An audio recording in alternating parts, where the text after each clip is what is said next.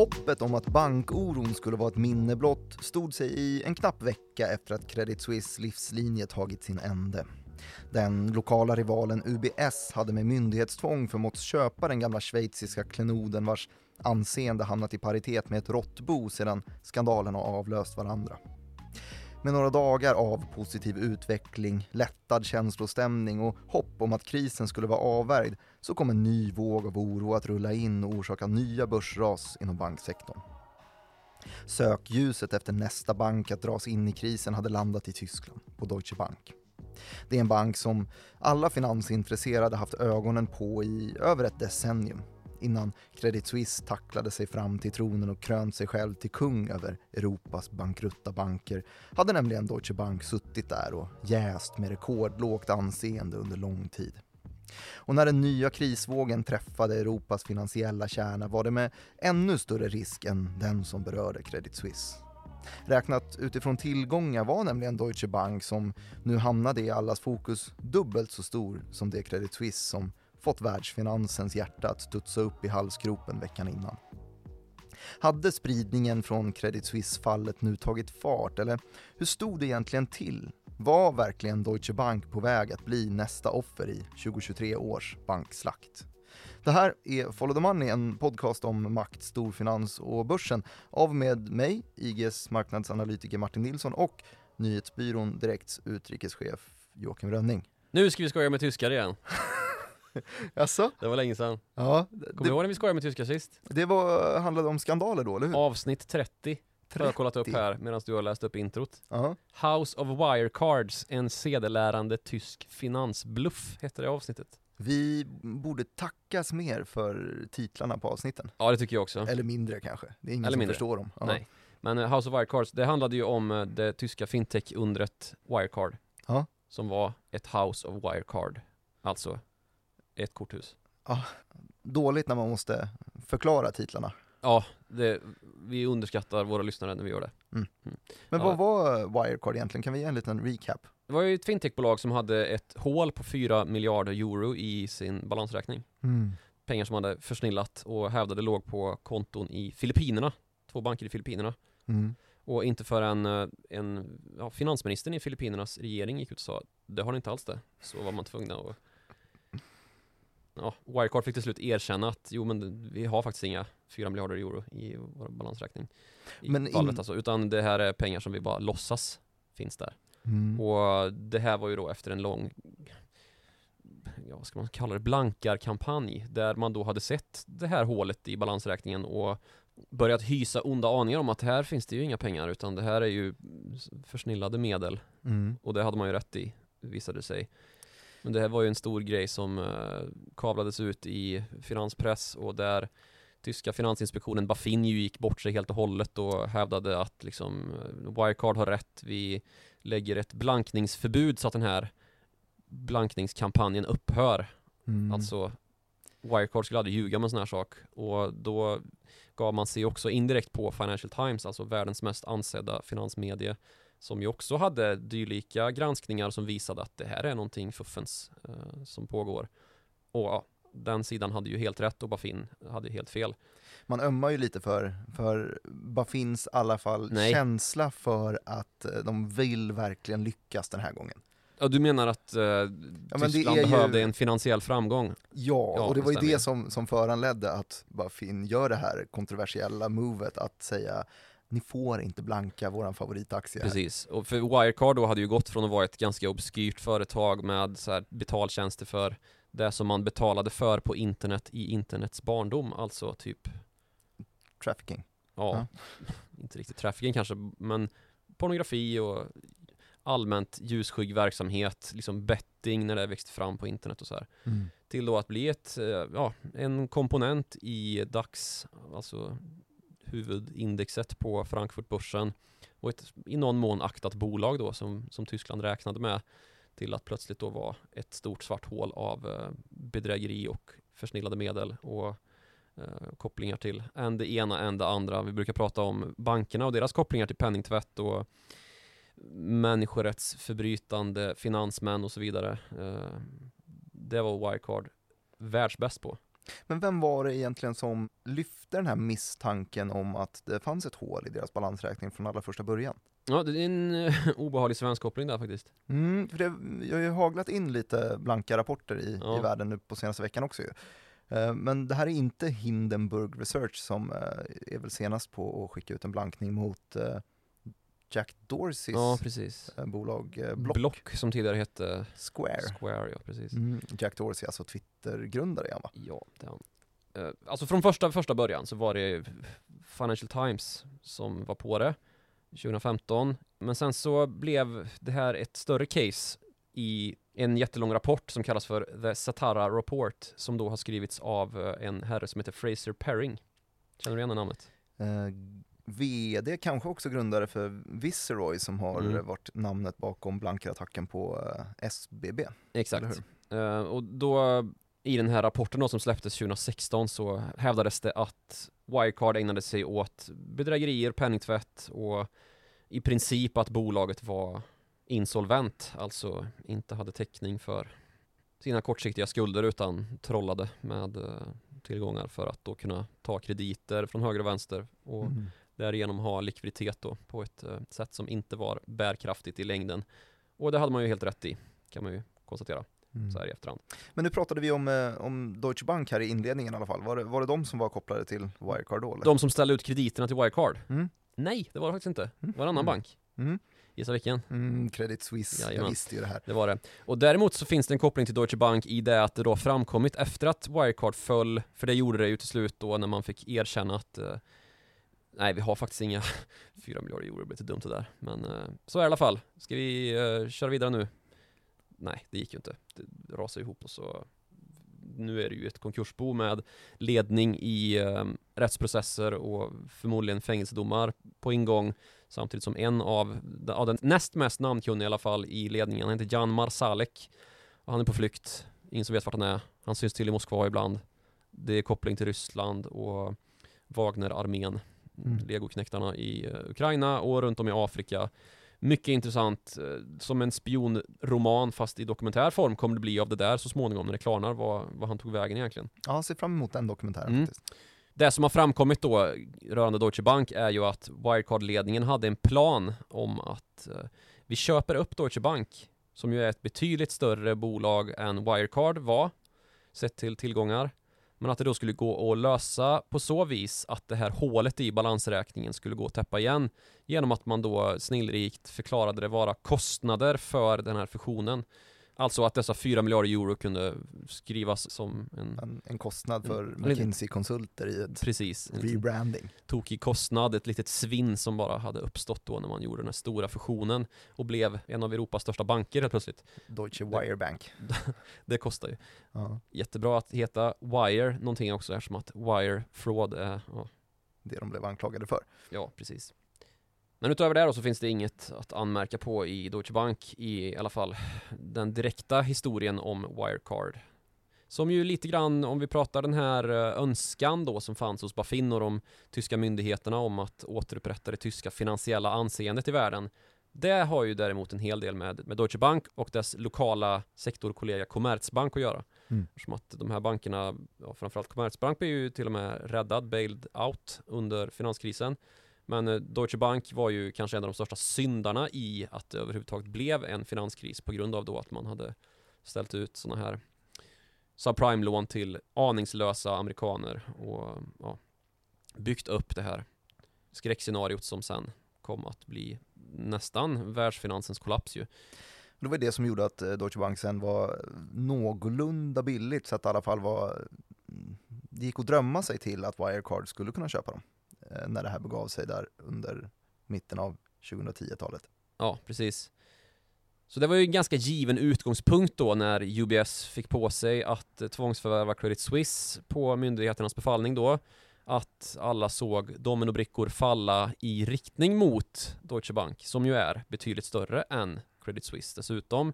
Och att det lirar lite grann med själva berättelsen om hur en finanskris, kollaps går till liksom. Att det börjar med en liten eh, skakning på nedre däck om man tar Titanic-liknelse. Mm. Och plötsligt så har hela båten vänts upp och ner och kapsejsat. ungefär. Och då menar du att skakningen på nedre däck är första skalven kanske i Silicon Valley Bank som sen fortplantade sig och eh, hittade Credit Suisse så småningom och då tänkte man att nu kapsejsar vi med Deutsche Bank. Ja men kanske, eller om man ska vara lite mer eh, saklig kanske så har ju inte den amerikanska bankkrisen så mycket med Europa att göra. Det är ju två separata stories lite grann. Inte om man ska tro på Citigroup och deras uttalande efter få fredagens händelse. Nej, men eh, Citigroup var ju väldigt eh, eh, noga med att säga att det här är en irrationell marknad Ja, absolut. när vi kollade i fredags och de pratade väldigt mycket om att det är det psykologiska Ja. som driver. Jag tänkte prata jättemycket om det, så tack för att du eh, spoilar mitt case här. Ja, varsågod.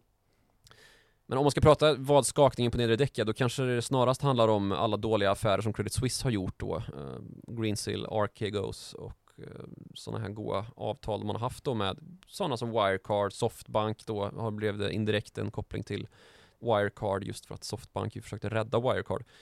Märkligt att du inte lyfter tonfiskobligationsbedrägerierna i Mosambik som första exempel på Credit Suisse eh, haverier. Vill du gå igenom tonfiskobligationerna i eh, Mosambik? Jag tycker att rubriken förklarar det allra bäst. Tonfiskobligationsbedrägeri i Afrika, helt enkelt. Det är ungefär där. Classic korruption bara. Ja. Upprätta finansiella kontrakt som är bara ämnade för att driva ut pengar ur en uh, stats kassavalv. Fräscht. Men om vi slutar prata Credit Suisse då så fick ju Deutsche Bank ett hedersomnämnande redan i förra avsnittet. Mm. Och det är ju för att det är världens före detta sämsta bank innan Credit Suisse blev det. Men kanske återtagit tron nu om vi kan skriva av Credit Suisse? Kanske? Eller? Ja. De har ju en diger nutidshistorik, det vet vi. Det är knappast bara vi som tyckte att det här var världens sämsta bank när vi började göra podcast. 2019? Och döpte första avsnittet till Europas bankrutta banker. bankjättar. Fan, var det så? Var det bankjättar? Jag tror att det var Ja, bankjättar. får Jag har bättre minne än vad du har. Självaste internationella valutafonden IMF kallade Deutsche Bank för världens farligaste bank ungefär samtidigt. Och det var ju då på grund av att man hade så mycket riskabla tillgångar, stora bötesbelopp, dåligt anseende och nyligen hade tagit sig ur en eh, försvårande eurokris ju. Mm. Europas banker är ju i grunden mycket sämre återhämtade än de amerikanska ditorna på grund av hur man hanterade krisen. Men nu har det gått ändå tre, fyra år sedan vårt första avsnitt. Har du tänkt på det? Mm. Kan det ha hänt någonting här längs vägen som gör att vi kanske inte kan rekommendera alla att lyssna på avsnitt ett utöver att det är mycket sämre kvalitet? Ja, det är klart att det hinner hända mycket på, på fyra år, lite drygt. Vad, vad är det som har hänt? Ja, Deutsche Bank fick någon sorts sjukdomsinsikt ungefär samtidigt som vi spelade in det där avsnittet. Och, och Jag säger inte att bättre? det är på grund av att vi spelade in det avsnittet. Men det kan vara det. Ja, det är ju ett fruktansvärt sammanträffande i alla Ja, fall. verkligen. Och så har man gjort en uppstädning då och den har gått ganska bra.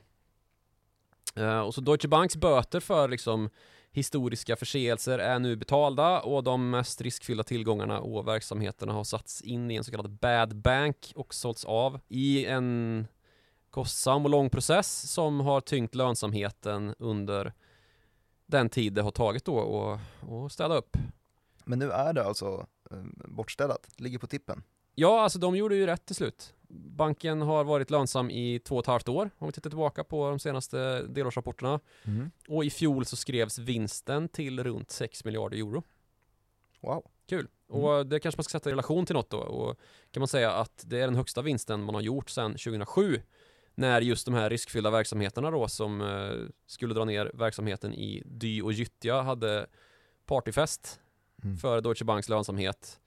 Man eh, delade ju som sagt ut livsfarliga subprime-lån till eh, aningslösa amerikaner och manipulerade räntemarknader för fulla muggar med högerhanden och så försörjde man människorättsförbrytare med penningtvättstjänster och medverkade till sanktionsbrott med vänsterhanden. Just det, jättebra betalt får man det. Ja, det får man. Så 2022 då så skrivs Deutsche Banks vinst till 6 miljarder euro när vi zoomar in på Credit Suisse. Hur gick det för dem då 2022? Lite sämre. De har väl inte varit lönsamma på väldigt länge? Nej, förlust på motsvarande 12 miljarder euro, Aj. typ, om vi då gör till samma valuta av det hela. Så därför är Deutsche Bank idag inte jämförbart med Credit Suisse helt enkelt. Mhm. Deutsche Bank anno 2010 efter finanskrisen, eller kanske ännu mer 2015 efter eurokrisen, är klart mer jämförbart med Credit Suisse 2023. Alltså, Deutsche Bank befann sig mellan kanske 2010 och 2019 där innan saneringen tog fart och man började liksom kasta bort sådana här extremriskabla tillgångar som behövde försvinna för att man skulle kunna kalla det här för en sund och hälsosam bank genom att sälja det till kraftiga underpriser så var man där Credit Suisse befann sig nu när UBS fick på sig att Baila in Credit Suisse. precis ta över Credit Suisse till kraftigt underpris eh, så att de nu då får göra den här processen som Deutsche Bank redan har gjort Mm. För de har ju sanerat klart då kan man ju säga. Det är typ rent i banken. Credit Suisse å sin sida, de har ju nätt och jämnt avslutat efterfesten de, om vi ska prata partyfest. Mm. Men du, vi pratade i förra avsnittet om en, en allegori, drog du. Du kopplade hela bankväsendet till en, en gris. Ja, just det. Nu har du nämnt partyfest flera gånger. Vad, vilka är det som är på den? På partyfesten, nu, jag sa att eh, Credit Suisse, de har ju precis eh, liksom avslutat efterfesten här. Ja. Och om man ska dra allegoriskt då, som vi gjorde förra avsnittet med bankgrisen Ja. som orsakat krisen, Ja. så är ju deltagarna på den här efterfesten som Credit Suisse eh, satt på leverantörskedjefinansieringsbolaget Greensill, Mm. skandalbolaget som alla minns. Ja. Vi har eh, hedgefonden Archegos Jaha. som brann upp. De ligger då blåslagna, utslagna, blåslagna i Sju. soffan. Sju, åtta hotshots och sen så hamnar de där. Ja. Softbank sitter då g- gråtspyr på toaletten. Efter att ha vaskat i timmar men fått, fått slut på vätska i flaskan. Ja, de har bara stått och hållit en, en tom flaska upp och ner ett tag. Eh, så, nej, de, de, man hör bara att någon sitter och hulkgråter på toaletten. Alla bara antar att det måste vara Masayoshi, Ja. grundaren och vdn på Softbank alltså. Så i det här läget då när Credit Suisse eh, 2023, alltså nyss, såg sig själv stå där med en sån här sopkvast som hänger på en skyffel, du vet. Mm. Eh, då inser man ju rätt snabbt att det här behöver vi nog kanske mer än bara gå över med kvasten lite snabbt för att det ska bli någon ordning. Mm. För de ringer Anticimex och de är inte vakna nu. Om vi ska vara lite poetiska i, för att få den här aforismen att gå ihop så är ju Anticimex då Finma, alltså schweiziska finansinspektionen. Och det är grannarna som har, har klagat på ljudnivån som är skattebetalarna då och skickat hit dem. Precis, det är de som har kommit och knackat på dörren. Och, och så ringer de eh, störningsjouren som är UBS och Anticimex som är UBS är ju helt klart någons mamma eller pappa här i sammanhanget. Ska de hem och hämta hem sin överförfriskade ungdom. Ja just det, så att de inte behöver kollapsa. Mm. Ja, men i alla fall i det här läget så tar eh, Credit Suisse ett järn till med några människorättsförbrytande affärsmän från Ryssland och så går man och lägger sig istället. Mm. Och så morgonen efter så ringer Finma och säger att de har tvingat UBS att köpa skiten. För att Mm. det ska lösa sig det här. Och så tänker alla, vad bra, i en vecka. Nu tar Anticimex hand om eh, De, de gulnade hotshot-fläckarna i, i soffan. Ja, precis. Och det kommer bli bra den här Credit Suisse-kaoset. Mm. Det löser sig nu. Och så handlar man upp eh, aktierna då i Europas banksektor under veckan. Och så händer någonting. Nu är vi framme till fredagen här. Ja, precis. Minnet är kort tydligen. Och när en sån här rörelse då har tagit fart i fredags så börjar sinnen att darra igen. Grannarna i det här lägenhetshuset där Credit Suisse har härjat loss börjar höra oljud från en intilliggande fastighet. Nej. Det blir lite av en eh, psykosreaktion här. De känner att det är samma skit igen. Och man har redan numret inlagt i mobilen för att ringa störningsjouren. Ja, precis. Så de ringer störningsjouren Det går snabbt den här gången. Ja, och så tänker man att det är väl, det är väl deras polare som håller på. Så man bara antar att nu, är det, nu jävlar behöver vi agera igen här nästan. en jäkla efterkaka igen. Ja. Vad, vad hittar man när man knackar på dörren där? Ja men det man hittar är ju ogina nyhetstolkare och blankare som bestämt sig för att nu jävlar ska vi ösa på med fest igen. Och det kanske inte är så mycket annat än en ren och trevlig lägenhet det där som man har fest i. Man är helt enkelt en oinbjuden gäst här. För det visar sig inte vara någon större fara. Så det är ingen, ingen fara alls med, för det här var ju då en, en koppling till Deutsche Bank. Ja precis, det är Deutsche. Bank som har den här lägenheten. Men det är ingen fara. Nej, men ingen bank är ju heller, som vi pratade om lite grann i förra avsnittet, tillräckligt stabil för att låta en eh, stormning äga rum utan att det påverkar bankens ställning liksom. Så om man eh, någonstans börjar närma sig slutet på den här liknelseberättelsen så Var bara den höga ljudnivån egentligen ett mellomys med en ny Bose-limpa som lät mycket? Ja det kanske var det Och så började det spridas ett rykte om att de, det är knarkfest där alltså Mm. Och så blev det en, lite grann av en självuppfyllande profetia då Just en psy- psykos, masspsykos Och det var det som Citigroup då skrev om att eh, marknaden är irrationell Ja, i, i fallet vad gäller Deutsche Bank. Det är inte så illa.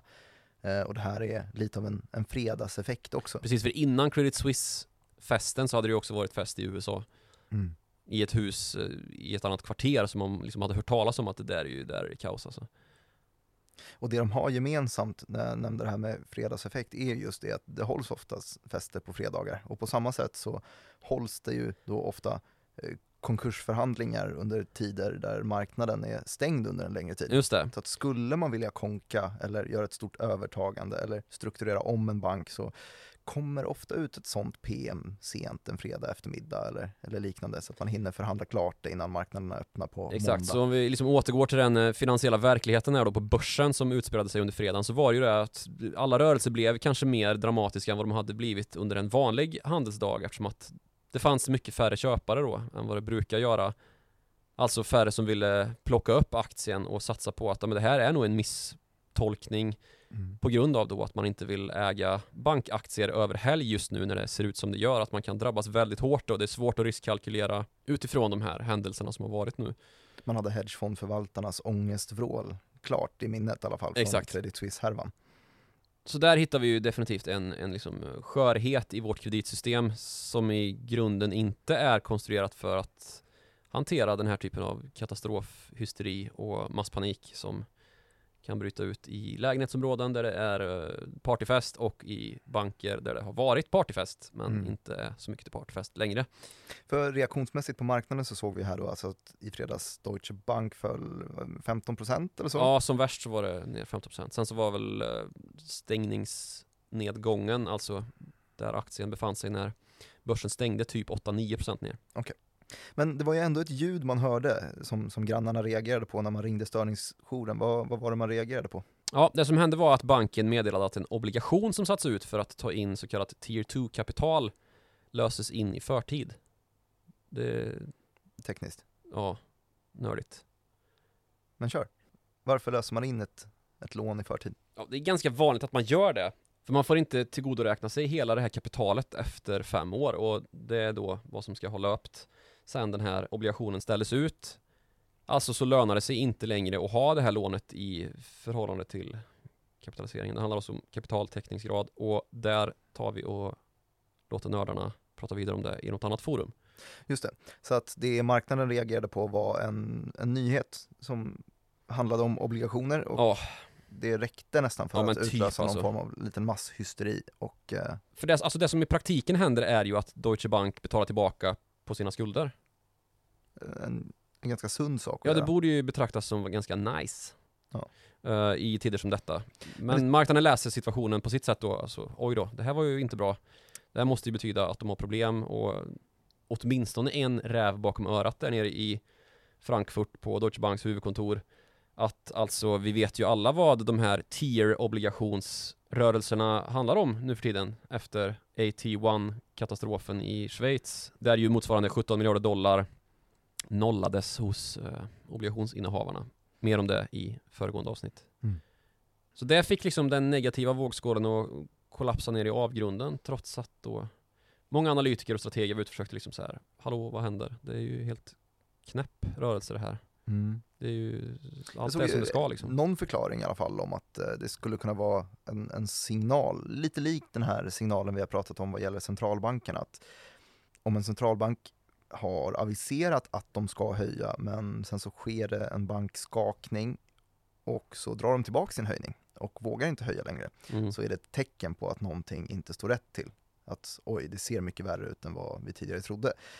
Och då diskuterade man att den här Deutsche Bank-movet att eh, lösa sina lån var, var just det. Ett tecken på att de, de tar höjd för att det kan bli riktigt illa. och att det skulle då trigga igång rörelsen. Men den förklaringsmodellen kan ju inte förklara så mycket som tvåsiffriga fall i en aktiekurs. Nej, man kan tycka det. Men det säger kanske då istället någonting om hur skört läget var där på fredagen. Ja, det är väl det det är. Det är Ja. väldigt lätt till, till panik. Man är redan förbannad och har sovit dåligt i flera dagar efter den här Precis. eh, så kallade partyfesten eh, har pågått ganska länge. Eh, Jag skrev en tweet där när jag gick på helg för att beskriva mina känslor kring läget. Ja, vad, vad var det då? Nej men att det, det kändes liksom som att vi var en taskig blankningsrapport från typ Hindenburg Research som vi nämnde förut. Med, eller någon annan med lite renommé som bara kunde sparka in lite öppna dörrar och konstatera vilken rutten historia Deutsche Bank har för att vi skulle liksom råka få en total finanskris. Mm. Så att det liksom var helt frikopplat från verkligheten och redovisade finansiella tal när känsloläget var så uppenbart skört då. Dominobrickorna har väldigt dåligt fäste där. Ja, Väldigt nära att, att tippa över och då krävs inte så mycket. Och när vi fastnar i sådana här lägen där liksom doom loops Finns ett svenskt? Doom loops. Ja men En, en ond spiral domedagsspiraler Mm. bryter ut och liksom Det leder till att folk bestämmer sig för att ta det säkra före det osäkra Alltså ta ut sina pengar från banken Då, det kan ju utlösa en total katastrof i fråga om att en globalt systemviktig bank kollapsar Mm. låter väldigt drastiskt när jag säger det. Och det krävs mycket för att det ska bli så. Mycket mer än i fallet Silicon Valley Bank då, där vi såg den här uttagspaniken bryta ut via chattgrupper med Silicon Valley-entreprenörer och höga chefer i viktiga bolag där då, som hade sina pengar insatta i Silicon Valley Bank. Men det kan ju hända. Mm. Och vi hade inte sociala medier och så här snabb kommunikation under senaste finanskrisen och vi hade inte heller samma möjlighet att ta ut pengar och flytta pengar mellan konton i olika banker genom smidiga knapptryckningar och bara bank-id Mm. eller motsvarigheten, alltså e-legitimationer i hela världen. Så vi måste hitta något bättre sätt då till att eh, säkra upp att det här irrationella beteendet som inte är kopplat till en fundamental verklighet ballar ur. Du tänker handelsstopp? Blankningsförbud? Nej, jag har inget svar på vad, det, vad man ska göra, men tillsynsmyndigheter och bankerna själva tycks ju ha en del att göra för att komma ikapp här. Det är alltid så att systemen som är allomfattande, alltså typ myndigheter, är mycket trögare än vad utvecklingen är eh, naturligtvis. Och de har ju också tappat lite av sin, sin effekt. De, ju, de har ju möjlighet att gå ut och kommentera sånt här. Men Mm. när, när Olof Scholz har varit ute och ropat omvänd varg eh, ett par gånger Ja, tidigare, det blir ju alltså parodiskt liksom. varit ute och försäkrat oss om att banksystemet är hälsosamt. Mm. Det kommer gå hur bra som helst det här. Det sa man ju innan Credit Suisse klappade ihop också liksom. Exakt, och nu, nu sa han ju det eh, igen eh, i fredags i samband med Deutsche Bank. Och då var det ju faktiskt på riktigt här då, att det var sunt. Ja, men ja, men, det är långt men det gav ju att- ingen, eh, det gav ju inget lugn. Nej, och det är ju långt att gå dit här och säga liksom, ah, Deutsche Bank, vilken kanonbank det är idag. Men eh, det är inte en bank som är på väg att bli insolvent, vilket den här rörelsen indikerade ju. Tvärtom så har ju banken gett besked då att man återbetalar skulder i förtid. Det var ju grundbeskedet som man gav där i fredags när den här rörelsen neråt i aktiekursen började accelerera då. Mm. Alltså något som signalerar liksom, vi har cash som vi istället för att strössla över våra aktieägare istället lägger på att minska vår skuldsättning. Och så läste investerarna saken helt fel och sålde aktien i panik. Bara för att det handlade om en obligation, någonting med tier igen. Additional tier 1 kollapsen är alldeles för nära i minnet. Om man antar att det betyder mer kris och att Deutsche Bank är näst på tur då här liksom i farozonen. Men sen inser man att eh, oj då, det kanske inte blev så bra det här. Men om paniken redan har satt in då så finns det ju inga köpare som sagt. Särskilt inte en fredag. Och då om vi ger det här scenariot tillräckligt stor magnitud via det att det också rapporteras fel i media som att det här är komplex materia liksom. Så kan ju folk lätt tro då att det är fara på taket och ko på is och då kan det ganska snabbt vara för sent i dagens digitala infrastrukturella finanssystem. Mm. Så det måste ske någon sorts skyddsnätsuppdatering här kan jag tycka för när den digitala uttagsstormningen kommer. Du suckar helt enkelt över att det går för fort i dagens värld. Ja, bättre för. Ja. Man fick springa till banken med checken om man skulle Ja. göra något överhuvudtaget.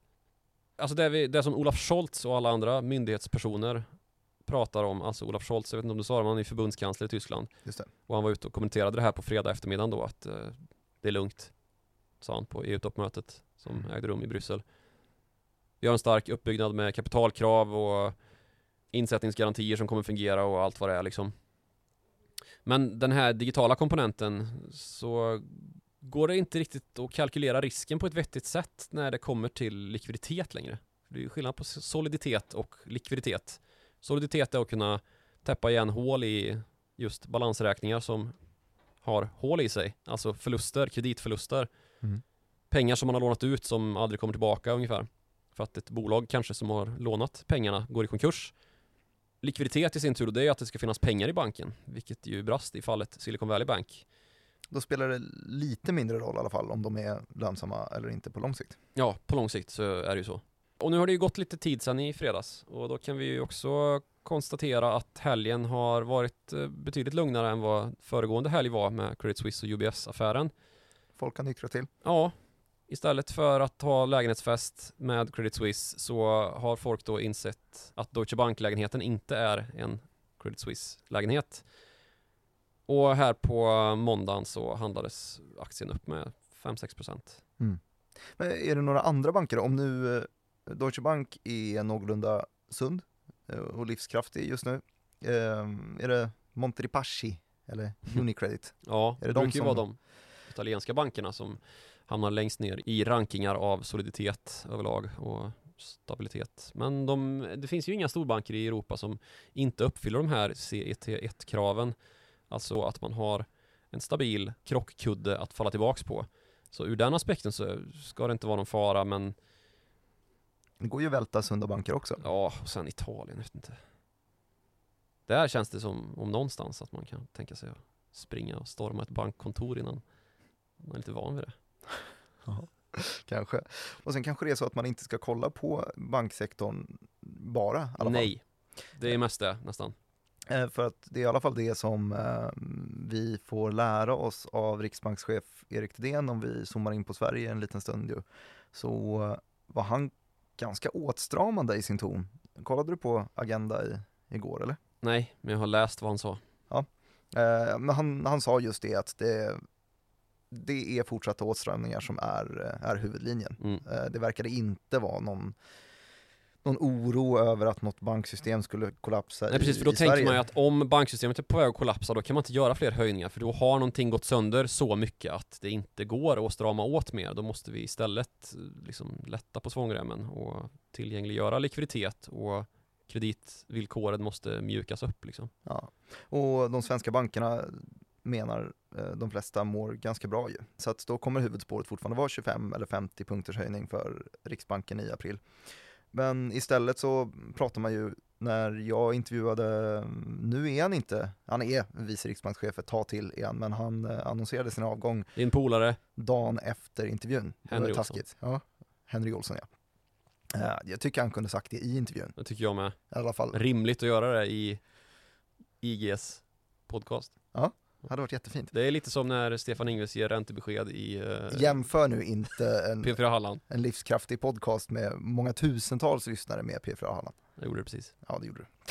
Ehm, Då sa i alla fall han, Henry Olsson, att ehm, det är fastighetssektorn, den kommersiella fastighetssektorn som är mm, kanske det med mest, störst risk på, i den svenska ekonomin i alla fall. Att om det är någonting som, som smäller så är det nog där i så fall man får leta först. Vadå, Cibus gör ju utdelning.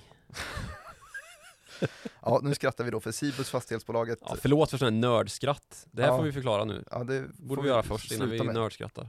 Eh, fastighetsbolag då som eh, är väl ganska kända för att de, de delar ut ganska generöst eh, och de gör då alltså nyemission. De säljer, de emitterar nya aktier till rabatt, ungefär 10% rabatt mot kursen för att alltså plocka in mer pengar till företaget för att kunna dela ut mer pengar till aktieägarna. Eh, ganska kontraintuitivt att eh, helt enkelt slakta aktiekursen för att plocka in mer pengar om man direkt ska dela ut pengarna igen för att skydda aktiekursen. Eh, Eller vad nu motiveringen är bakom att fortsätta dela ut. Mm. Alltid lite konstigt. Kanske finns någon form av teknisk förklaring till det också, men man drar alltid öronen åt sig när ett bolag eh, går en kapitalrunda för att kunna dela ut mer. Ja, det är någon som behöver köpa en ny villa tror jag. Täppa igen lite skulder kanske? Täppa igen lite hål i balansräkning kanske? Mm. Ingen nämnd? Jag vet inte. Det är osakatt. Tycker du det? Det är- Jag vet inte, det är konstig kapital... eh, Det är i alla fall märkligt Strategi. att göra så om det också samtidigt är den sektorn som, eh, som folk kollar på allra mest just nu. Eh, Det får man väl säga. Och det har ju varit lite förändringar, det har ju rört sig snabbare i eh, kommersiella fastighetssektorn i Sverige än vad det har gjort tidigare. Vi har ju sett eh, till exempel, eh, var det inte så länge sedan som eh, Rutger Arnhult fick eh, sälja ut sina aktier i Castellum till Roger Akelius istället. Mm. Ett ganska märkligt skifte, men man förstår ju att det beror på att det var tufft att behålla den belåningen som man hade. Och sen så har vi den eviga följetongen med SBB och Viceroy som blankar på där också. Mm. Sitter och fnissar ja. Vi får ju hoppas att det, att det står emot eh, och än så länge så verkar det ju göra det. Mm. Är det dags att eh, knyta ihop säcken eller? Ja, Ska vi göra det via kanske och konstatera då att Deutsche Bank är inte på långt när lika illa ut som Credit Suisse var. så Men är det betyder inte att vi inte kan få stora problem ändå. Eftersom förtroendet för Deutsche Bank uppenbarligen är dåligt. Ja, de har väl kanske bevisat skörheten i systemet i alla fall, att vem som helst kan stöta på problem utan att vi har sett faktan som stödjer det just nu. Ja, att allmänhet och investerare blivit så vana vid att rubriker kring Deutsche Bank bara betyder skit och elände. Att allt tolkas som det liksom. Även om det är någonting som är lite Det är väl du att slag. beskylla för lite grann, Varför det? utrikeschefen som sitter och skriver texter om just Credit Suisse och Deutsche Bank Nu tycker jag du borde kolla igenom flödet vad jag skrev om Deutsche Bank i fredags. Du har varit håsare. Nåväl. Det är i alla fall inte jag som tolkar det innehållet i texten negativt. Okej. Eh, men- och det är liksom oavsett det egentliga innehållet, det är det som är problemet. Att det, det har skett så mycket dåligt med Deutsche Bank de senaste liksom ett och ett halvt decennierna att alla bara tar för givet att det kommer fortsätta för evigt ungefär, trots att då de har tillsatt en VD som har genomfört en omorganisation de senaste tre fyra åren som visat sig vara ganska så positiv, liksom. att man har kommit ganska långt med den och nu gör rekordvinst eh, i efter globala finanskristiden. Och det är ju precis det här vi pratat om när vi pratat om faran med att allmänhetens förtroende för systemet brister. Alltså, det utgörs ju till stora delar av storbankerna. Och det är farligt liksom, om det förtroendet fallerar. Oavsett om bankerna i sig är solida eller inte, liksom, om de har tillräckligt med stabilitet i grunden. Mm. Så spelar det ingen roll eftersom att kreditsystemet inte tål att det blir uttagsstormningar där. Trovärdighet är den viktigaste valutan. Ja, det är det verkligen i bankvärlden och nu försöker man ju liksom med likviditetsbringande åtgärder från centralbanker och myndighetsstödda affärer och liksom få rätt på det här med förtroendet också då. Och vi såg ju en rörelse i eh, de amerikanska regionala nischbankerna här på måndagen också när vi fick beskedet om att First Citizens Bank, en eh, North Carolina-baserad bank, köper upp stora andelar av eh, Silicon Valley Bank, deras tillgångar. Och ja, att vi börjar närma oss någon sorts slutpunkt på den fadäsen också eh, är ju positivt och har då spridit lugn och god stämning ännu en gång. Mm. För det har det ju gjorts tidigare också och vänts upp och ner på, likt då efter Credit Suisse och UBS-affären som eh, ja, gav ett lugn som inte ens höll sig i en hel vecka innan det var dags för nytt igen. Så det är ju inte säkert att bara för att Deutsche Bank lite grann berodde på en felläsning där man bara antog att oj, nu gör de någonting rätt, det måste vara fel för att de manipulerar allt och alla och har rävar bakom öronen. Så det kan nog bli fler verser innan den här sången når sin sista refräng. Så är det. Och till dess får ni gärna hjälpa till och behålla lugnet genom att eh, skicka in sånt eh, till follow the money at direkt. Skicka in vad då för någonting? Lugn. Lugn? Ja. Ja, det ska Lugn. bli intressant att läsa. Lugn. Var ska de skicka det sa du? En, en ganska dålig uppmaning kanske. Men Ja. eh, oavsett vad ni vill skriva eh, så går det att göra det till followthemoney.direkt.se. Prenumerera också på IGs morgonbrev. Eh, där jobbar jag och skickar ut morgonrapporter på morgonen. Man får en liten agenda med vad som händer under dagen och kanske om det har hänt någonting under helgen och natten. Eh, det gör man på ig.se morgonrapport. Vi eh, hörs igen. Tack så mycket för att ni har lyssnat. Hej då.